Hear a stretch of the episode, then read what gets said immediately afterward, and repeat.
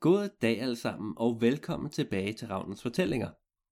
I dag, uh ja, så er det jo nytårstid, og det betyder, at vi skal have en helt særlig historie.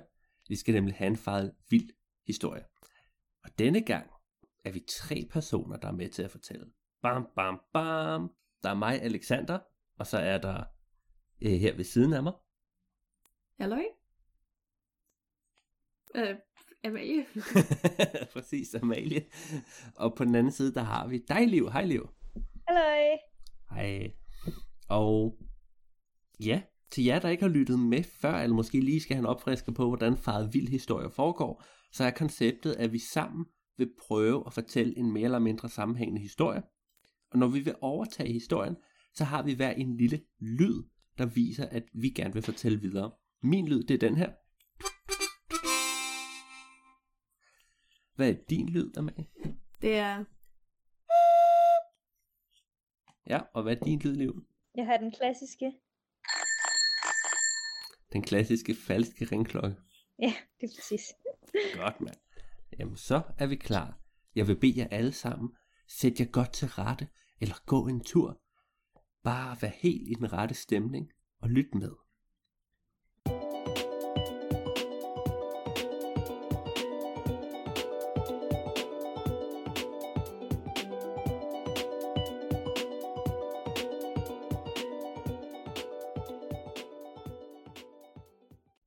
Der var engang for lang tid siden i det fjerne 2019. Et helt folk, et helt land her i, det ganske, i den ganske verden, der alle sammen, ja, de kom med det ene nytårsfortsæt efter det andet. Og det gør man jo op til nytår. Man drømmer om alle de ting, man skal gøre anderledes, når, når året er skiftet. Om hvordan at man skal, man skal træne lidt mere, eller man skal spise bedre, eller man skal være sødere mod dyr. Eller det kan også være, at man skal huske at give gaven til sin kone dette år. Det plejer man altid at glemme, eller sådan noget.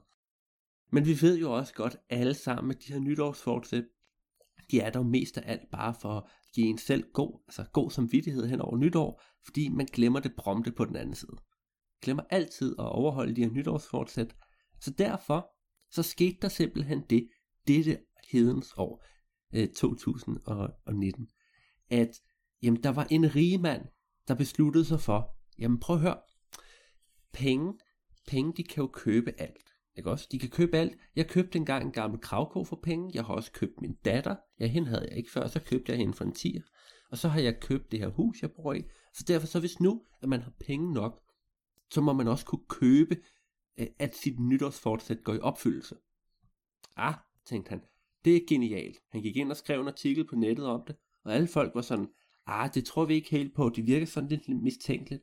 Kan man virkelig, kan man virkelig købe sådan en tønder mave for penge? Ja, ja, det kan man. Man skal bare have lavet en fedtzone. Nå, okay, okay, det lyder sådan lidt skummelt. Ja, ja.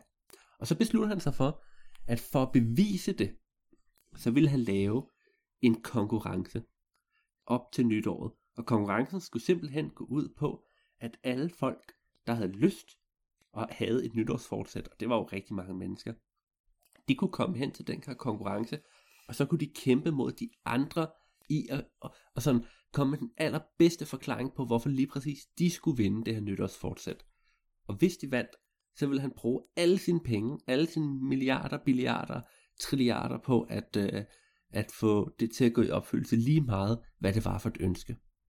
Og så kan I tro, så lige pludselig, så kom der rigtig, rigtig mange folk, der henvendte sig til den her rige mand, som jeg, ikke, jeg er ikke engang sikker på, at han havde et navn, han var bare kendt som rigmanden både i lokalavisen og på den internationale bane.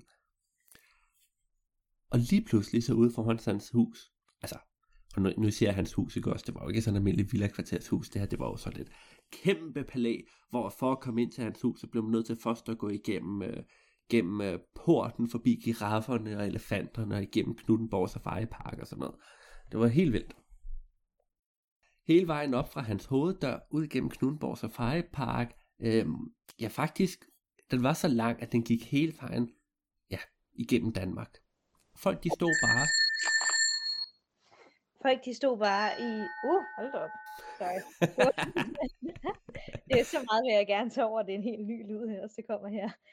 Øhm, der, der stod jo folk rundt øh, hele Danmark nærmest. Altså, jeg kan godt forestille jer, hvis det eneste kriterie for at være med i den her konkurrence var, at du bare skulle komme op og forklare, hvorfor lige netop dit nytårsforsæt skulle gøres, ligesom, altså gå i opfyldelse, så var der ret mange, der følte, at øh, de var der i hvert fald kvalificerede, for de havde i hvert fald nogle gode grunde, og nogle gode motivationer, og selvfølgelig i, det, i år, så skulle de holde op med at spise så mange p-tærter. Det var ligesom formålet. Det havde de sådan øh, i deres hoveder.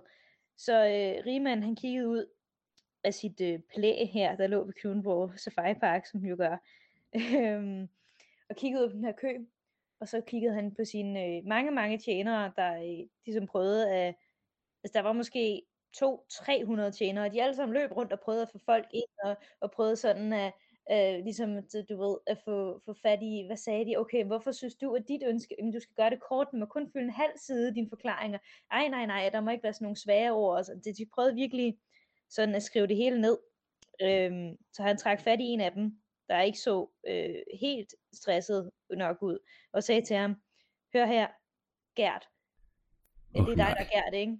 Og Stakkels Gert. det var slet ikke ham, der hed Gert, men man sagde ikke rigmanden imod, det gjorde man ikke, så han sagde bare, ja, ja, men det er mig, der er Gert nu.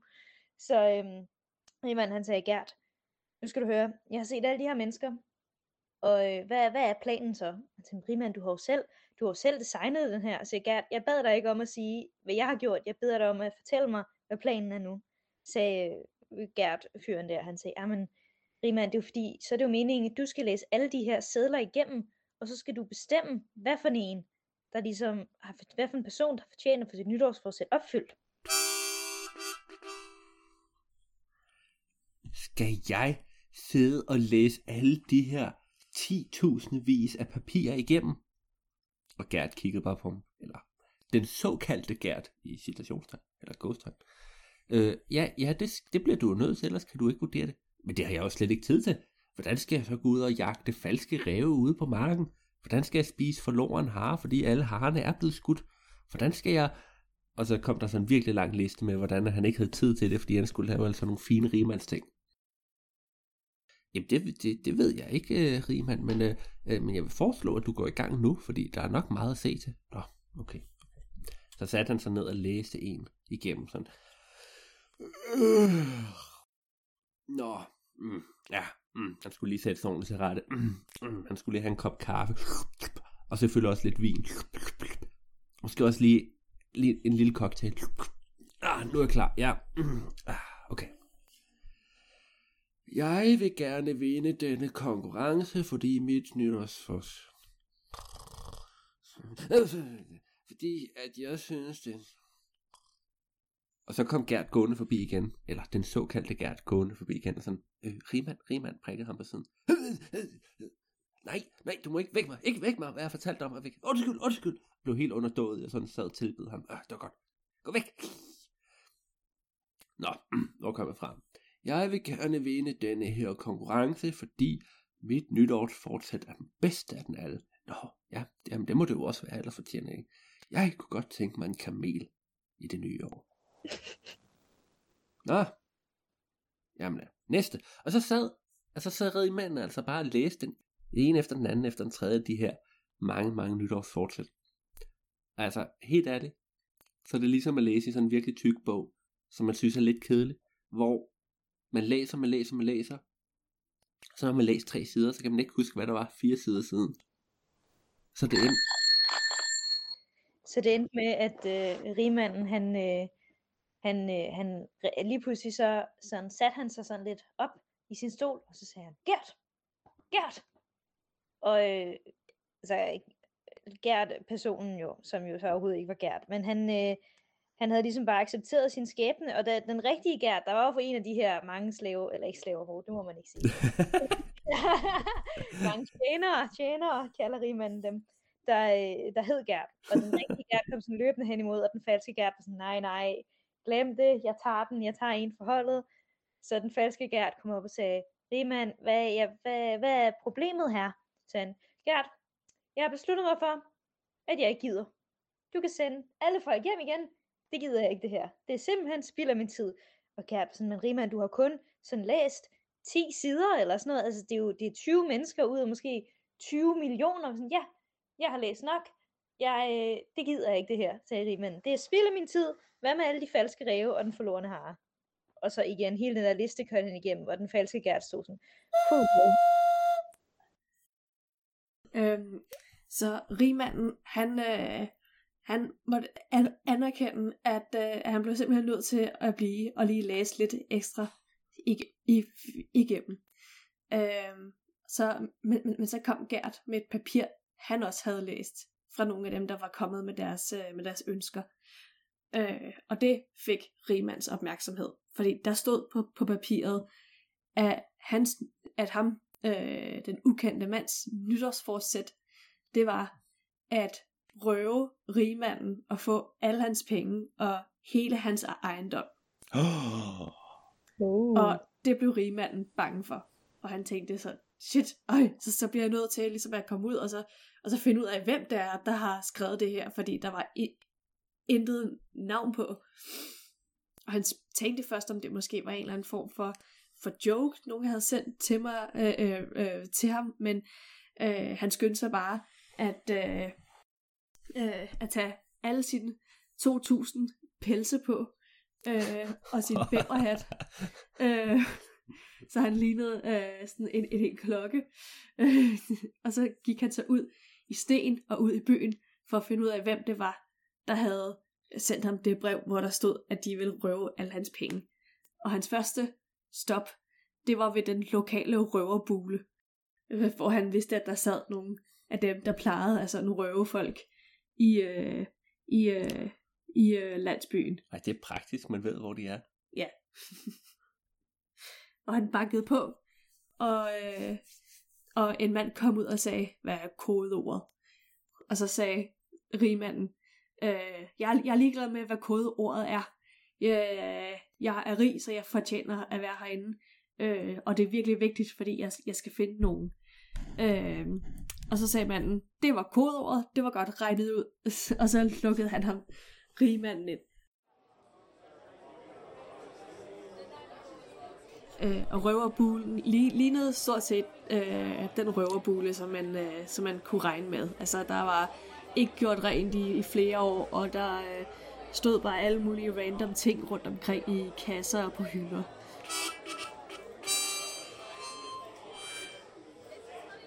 Henne i hjørnet af den her røverbule. Den var sådan lidt bodega-agtig, skal man forestille sig. Røg. Der var sådan, luften var tyk af røg derinde, skodder fra vinduerne. Der var et billiardbord, hvor der ikke var nogen, der kunne finde ja, pindene mere. Hvad hedder det? Pindene? Stavene? Køllerne. Køllerne? Der var ikke nogen, der kunne finde køllerne, så i stedet for, så, så tog man sådan den mindste person op og brugte dem som køller i stedet. Øhm, altså, det var sådan en rigtig, rigtig skummel røverhule. Og henne i hjørnet på en skammel, der sad der en af rigemandens gamle bekendte. Og så tænker man, ej hvor hyggeligt, et bekendt. Nej, det var ikke spor hyggeligt. Det her, det var ikke en af hans gode bekendte. Det her, det var en af hans, ja, man kunne nærmest sige, at det var hans nemesis. Det her, det var anti-rigemanden. Den fattigste person på hele jorden, som havde udset det til sin, til sin, altså til sin hele sin, sit livsmål. At tage alt, hvad rigemanden ejer. Og så tænkte han, ah, aha, det er nok ham, der har skrevet det der nytårsforsæt. Jeg må gå hen og give ham en, jeg må gå hen, hen og gennemfuse ham, så, ligesom overfuse ham, så ligesom finde ud af, hvem det er. Så går han derhen.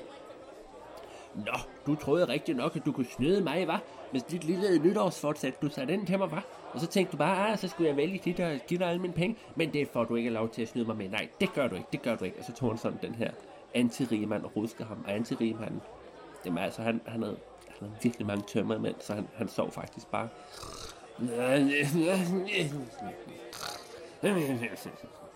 Ja, hvad, hvad, hvad, hvad har du tænkt dig, din slynge? Og efter, skal vi sige 5 minutter, hvor det her stod, var stået på. Altså, det er ret vildt, rigmanden er så stærk, at han kan ruske en anden person i sådan 5 minutter. For virkelig nogle bøffer på overarmen. Men altså, så, så, altså, så vågnede den her anserige mand op. Så, Nå, hvad sker der? Er det dig? Ja, det er mig, og jeg ved, hvad du er ude på. Øh, jeg ved ikke, hvad du er ude på, men nu skal du have tæsk. Og så lige pludselig, så forestiller jeg ligesom en scene i en hver western, eller en hver sådan film, hvor man kan mærke, der er lidt, lidt dårlig stemning inde i, inde i en bodega, eller et eller andet, en kro eller sådan noget. Så er der bare totalt slagsmål. der fløj stol igennem luften, og man kunne høre, at der var nogen, der hoppede op og spillede på klaveret en eller anden mærkelig munter melodi. Og der var, altså, det gik helt amok.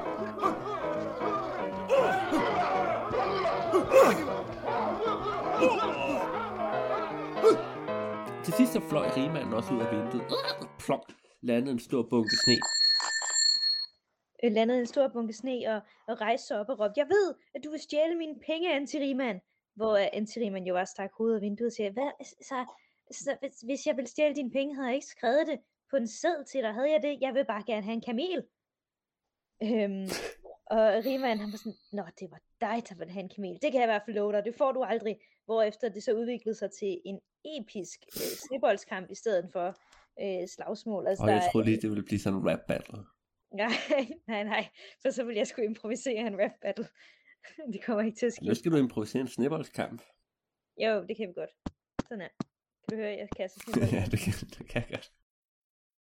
Sådan der. Øhm, hvorefter at øh, rigmanden sådan flygtede væk fra antirigmanden, fordi hans, hans tøj var lidt finere, og det kunne ikke tåle sådan sne og fugt i så lang tid, som øh, antirigmandens lusede, lusede tøj kunne.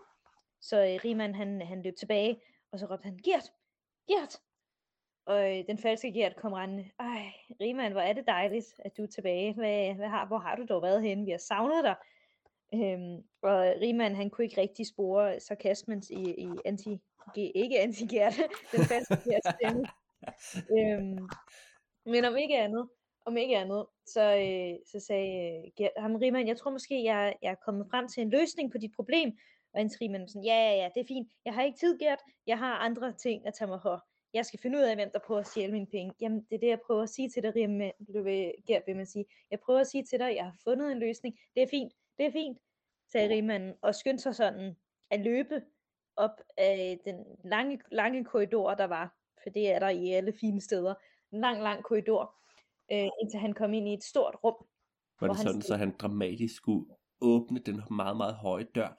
Bong! Og så gik Ja, ind i rummet. præcis.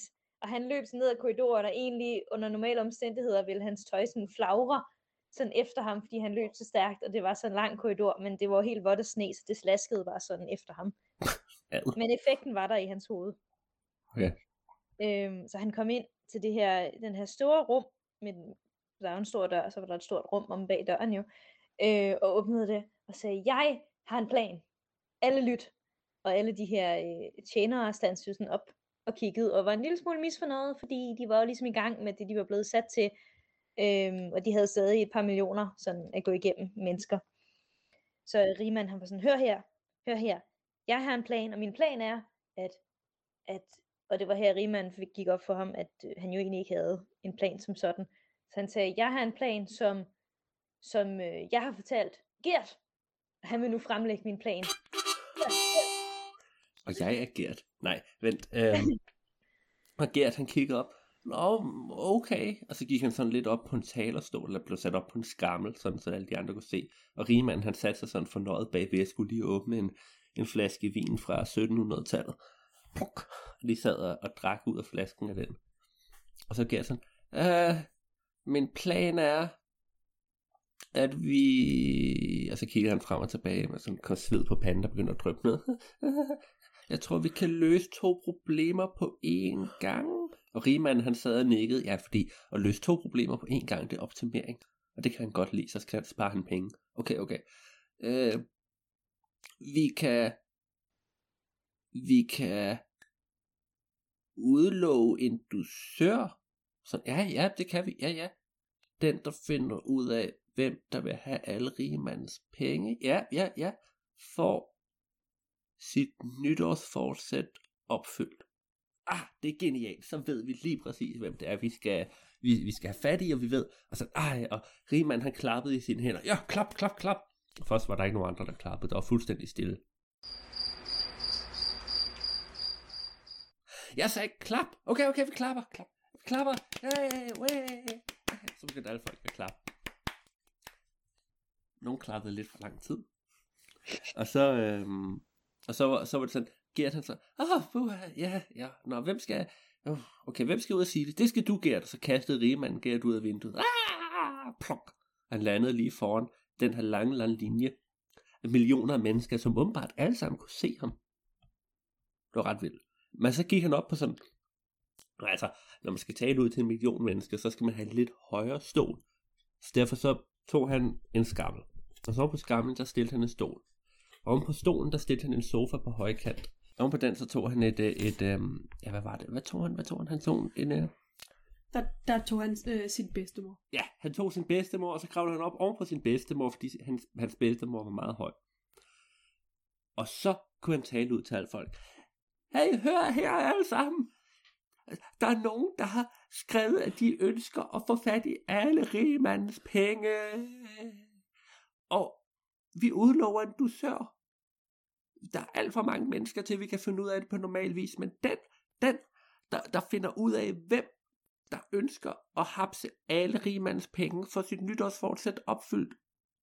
Og det øjeblik, han har sagt det, skulle man bare høre sådan en, ja, altså det var jo sådan en, en hård, der bare sådan, bare sådan, alle de her millioner mennesker, der bare begyndte at løbe rundt og, beskylde hinanden for alt muligt. Altså, det var dig, der gerne ville have alle rigmandens penge. Nej, det var helt sikkert dig. Jeg så, du skrev noget med rigmanden. Ja, det er fordi, jeg skrev til rigmanden. Ah, ah, til rigmanden. Men jeg skrev fra rigmanden. Fra rigmanden. Ah, og så stod de bare sådan. Altså, det var totalt kaos. Prøv at forestille jer x antal millioner mennesker, der løber rundt ude i Knuddenborg Safari Park og omegn. Og øhm, nogle af dem op og slås, nogle af dem står og råber hinanden, nogle af dem nogle af dem de egentlig bare mødt op, fordi det kunne være sjovt at tage billeder af det hele. Og så er der andre igen, som, som rent faktisk prøver at løse det her mysterium. Og det tager, skal vi sige, cirka en halv time, for de fleste folk, de sådan er stødt sammen nok gange til de besvimer, og så er der sådan lidt ro på igen. Og det, altså faktisk var der så mange mennesker, der var løbet sammen, og havde, der var også ret mange, der bare sådan havde råbt så meget hinanden, at de havde mistet deres stemme. Ja, det er godt, der behøver vi ikke at høre på mere. Nåede frem til, at der var cirka 10 personer, som ikke var besvimede, ikke var gået hjem, fordi der ikke var gratis pizza alligevel, øh, som ikke øh, havde mistet deres stemme. Og de her 10 personer, det var de 10 personer, der satte sig for at løse mysteriet om hvem der havde sendt nytårsfortsættet. Ja, nu skal have sådan lidt dramatisk musik i baggrunden. Prøv at forestille jer, at øhm, det der sker, det er, at det begynder at blive hen mod aften. Det begynder at blive scenen fra starten af enhver sådan lidt skummel film, måske en detektivfilm, måske en gyserfilm. Man ser det her kæmpe store palæ, så bliver det mørkere og mørkere, der kommer grå skyer. Lyn i baggrunden.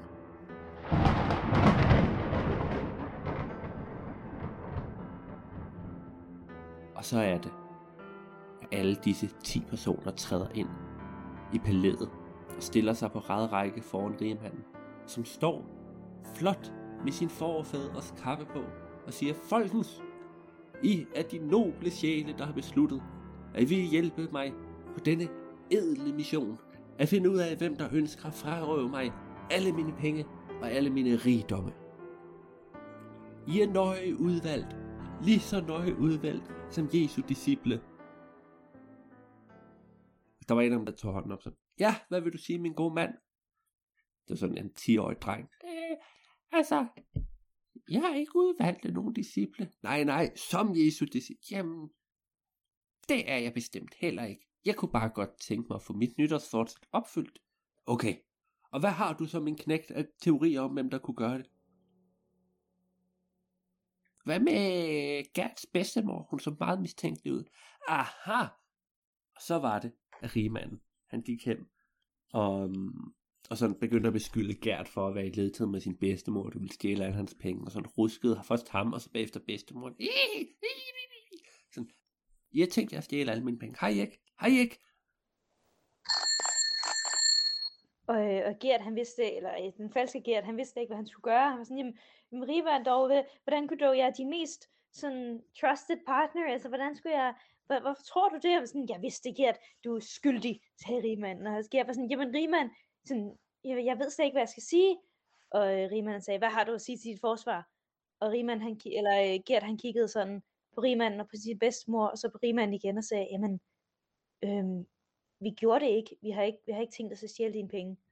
Nå, sagde rigmanden, og vendte sig om mod de 10, øh, sådan, Var, det det? de 10 disciple mennesker der, var sådan, ja, men øh, der, øh, der har I så jeres løsning, sagde rigmanden. Det, øh, Nu kommer toget. øhm, men pludselig ind ad døren, så kom, så kom der øh, en flok, som han kunne genkende.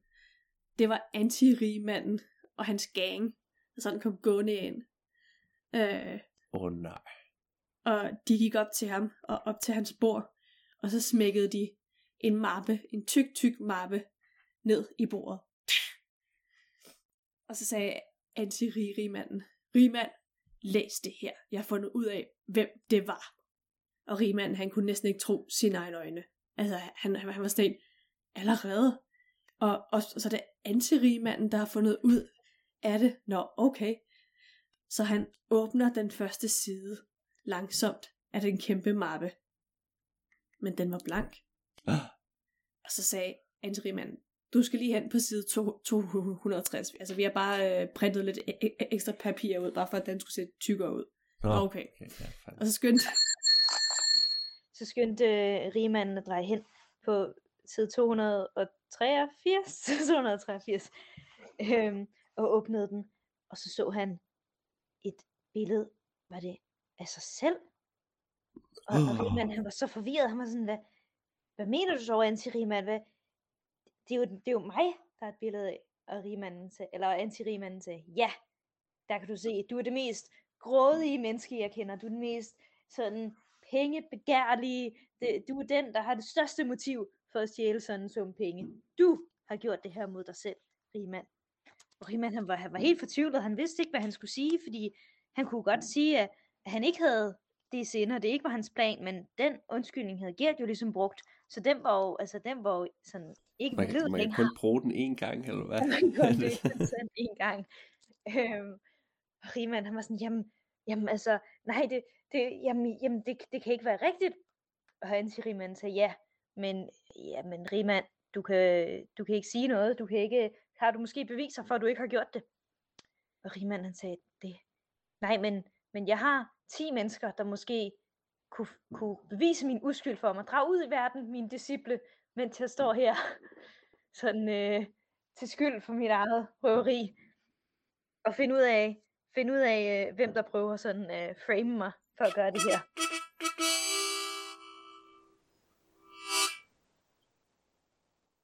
Og så skal man jo tro, at de her folk, de, de gik langt ud i verden, eller ud for at undersøge ledetråde, og finde ud af, hvem det måske kunne være.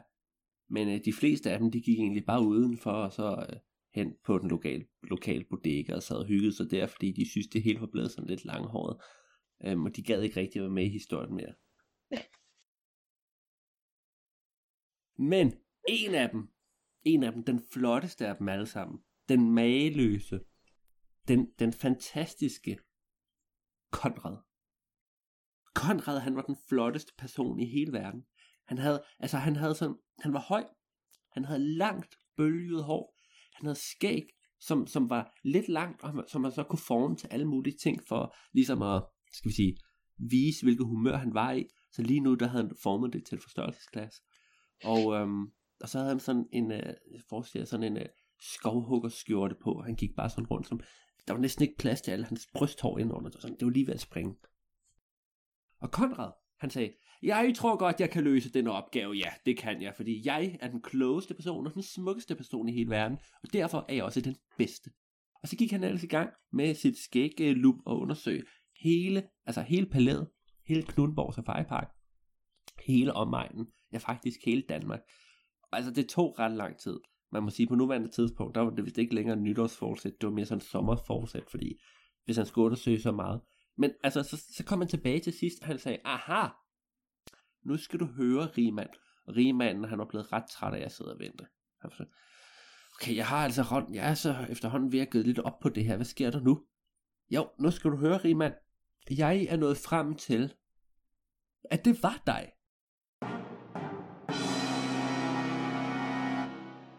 Jamen, ej, Konrad, du har forrådt mig. Det kan jo ikke være mig. Du er min disciple.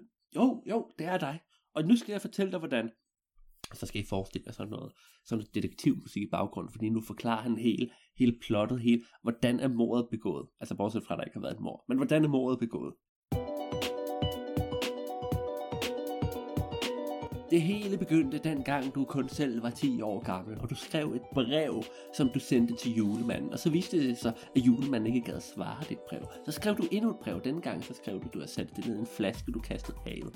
Og så sejlede den rundt i 25 dage, inden den havnede i Sydamerika, hvor der var en eller anden narkobaron, der samlede den op og sagde, wow, det er et flot brev, det må jeg hellere besvare. Så røg det tilbage igen, og så havnede det i Rusland, hvor at, øh, den russiske leder, han samlede det op og sagde, det er du med vildt, at det rød ind midt i Rusland, og det var en flaskepost fra havet. Og så, så skrev han det og satte det på en brevdue, som fløj til København. Og fra København, så blev det sat på et tog, og så på en bil, og så på en hestevogn. Og så kom det tilbage til dig efter cirka 10 år. Og da skete der simpelthen det. Det, du var blevet tilbudt i det brev, det var mulighed for at snyde med alle dine penge. Og hvis du snød med disse penge, så ville din formue blive fordoblet. Så derfor så satte du et langtrukken spil i gang for at prøve at få denne, denne, ja, de, denne drøm i opfyldelse af at blive endnu mere rig, endnu mere rig. Og i mellemtiden, ja, altså så var du faktisk blevet verdens rigeste mand. Men det var ikke nok for dig. Var det det, Riemann? Var det det? Konrad slog sig helt op i hovedet på Riemann. var det det? altså, nu skal jeg fortælle dig, hvad din onde, onde plan til allersidst var. Du havde tænkt dig at skrive dette nytårsfortsæt selv, så du selv kunne vinde det. Fordi hvis du skulle have alle rige mandens skatte, så blev du jo nødt til, jamen, altså så ville du jo kunne doble alle dine skatte, du ville kunne give dem til dig selv, du ville kunne trække det fra i skat, fordi det er en gave, og øh, der ville være så mange penge at tjene her. Og Riemann var sådan, det var mig, det var mig, og så faldt han ned på knæ. Åh, oh, åh oh, nej, hvordan kan du afsløre mig så meget? Jeg har brugt årtier på det. Jeg er ved at blive en gammel mand, Konrad. Du må ikke sige det til politiet. Du må ikke sige det til politiet. Bang, sagde det. Døren åbnede, og så var det politiet, der løb ind. Ja, det er politiet. Du er anholdt, Riemann. Ah! Og du har ret til overhovedet ikke at sige noget som helst og holde din mund. og så blev han sat i håndjern, smidt ind i en vogn og kørt hen til politistationen.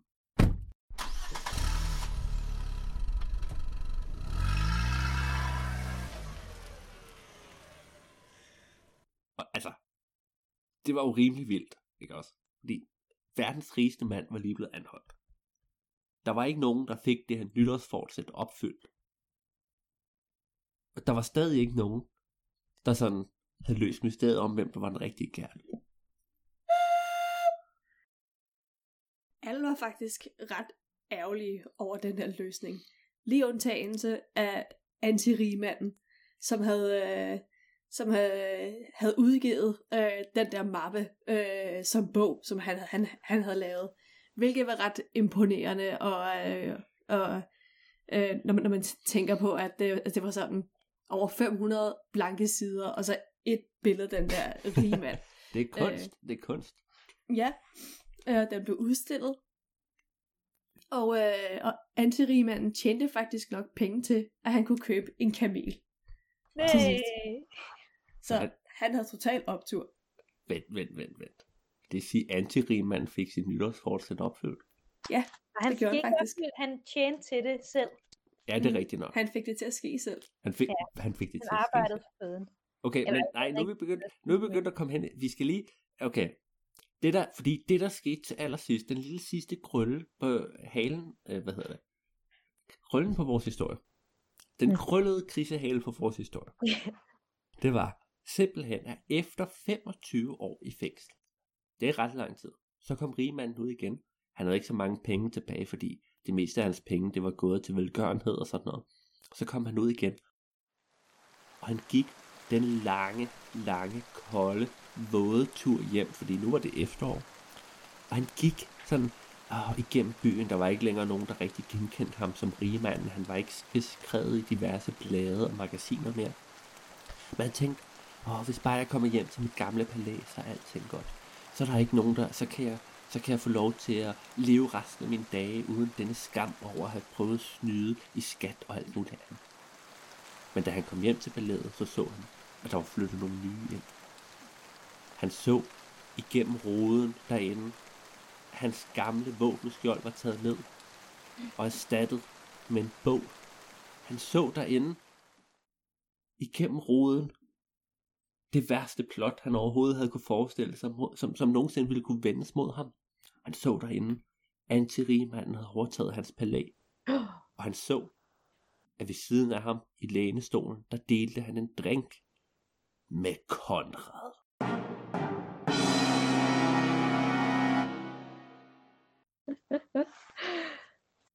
Og det er vores nytårshistorie. Ja. øh, det var helt sikkert en nytårshistorie. Og det var den, fordi nu kommer vi nemlig til det vigtigste del i enhver historie.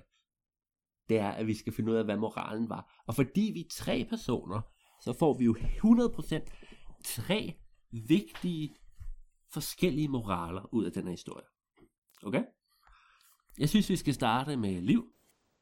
Hey, det er altid, det er mig, der starter på de moraler der. Ja, ja, men det er fordi, det er lettere for dig til at starte, så jeg kan tænke over det imens. okay. Øhm, jeg bare accepterer det som en grund. Det er så fint. Øhm, ja, moralen i, øh, i vores nytårshistorie, det må der simpelthen være, at hvis øhm, du skal virkelig, altså hvis nu du har tjent rigtig mange penge på ærlig vis, skal du endda sige, ikke? så bare har planer om at gøre noget ondt med dem og fordoble dem, så, så ryger du i fængsel i 20 år. Selv hvis du ikke reelt har gjort noget, så, så hvis du bare har planer om det, så, øh, ja, så du kan lige så godt være med at tjene mange penge. Jamen, det er en god idé. Vil du have Det, med? det, det er jeg nok frem til. Mm, Jeg tror, at moralen er, at, øh, at øh, det er fint at lave et, øh, et nytårsfortsæt, men du skal også arbejde for det selv. To sekunder. Punjo ved at lave total ravage i baggrunden. Punjo! Men nu Kom. har også øh, moral. Kom her. Hej Punjo. Okay, min moral, den kommer nu. Det... Ja, hvor, hvor kommer jeg fra? Min moral kommer nu. Nu har jeg nemlig sagt det, så kommer den. Øh, moralen i denne historie, det synes jeg er, at øhm, det vigtige i livet, det er ikke, hvilke nytårsfortsæt du gør om dig selv. Det vigtige er heller ikke øhm, at tjene dine egne penge. Det vigtige, det er, at, øhm, at hvis du, altså, det der virkelig bringer glæde i livet, det er at få andre folk ned med nakken. Det så vi jo med Riemann og Konrad. De blev så lykkelige og så glade. Så jeg tænker, det må være mit, øh, min moral øh, og mit nytårsfortsæt. Jeg skal have folk ned. Nej, vent. Øh, Hvad med, hvad med Gert? Hvad skete der med ham? Eller falske Gert? Jamen altså, der, sk- uh, det, det der skete med Gert, det er sådan lidt baggrundshistorie. Det der skete med Gert, det var, at han, øh, han fik endelig sparet sammen til at kunne købe en, øh, en Bugatti Veyron til sin, øh, til sin bedstemor, så hun kørte ligesom afsted og blev øh, racerkører og sådan noget. Og så øh, bagefter, så, så åbnede han en tebutik. Jamen selvfølgelig gør han det. Jamen det gjorde han jo. Det jo det, han gør. Hvad hed den? Gerts te. Øh, nej, den, den Ikke hed... Det var, det var jo ikke den rigtige Gert, det var, den hed øh, ikke Gert. Ja. ikke Gert. Hedder faktisk overhovedet ikke Gert. På ingen måde hedder jeg Gert. Ja, Butik. præcis. Det er et godt navn. Nå, jamen øh, var det den historie? Det tror jeg. tror jeg. Jeg tænker lige, skal vi lige ønske alle folk godt nytår? Ja. Okay, Ja. 3, 2, 1. Godt Godt nytår! Åh, Men ikke dig. Nå, øh... Ej, så ved jeg ikke, hvem skulle det være henvendt til? Ja, det må man selv finde ud af. Ja. Når man hører det. Ja. Jamen, så tror jeg, vi siger tak for denne gang. Øhm, tusind tak, fordi I lyttede med til Ravnens fortællinger. Og så, ja, på genhør næste gang. Adios! Hej hej!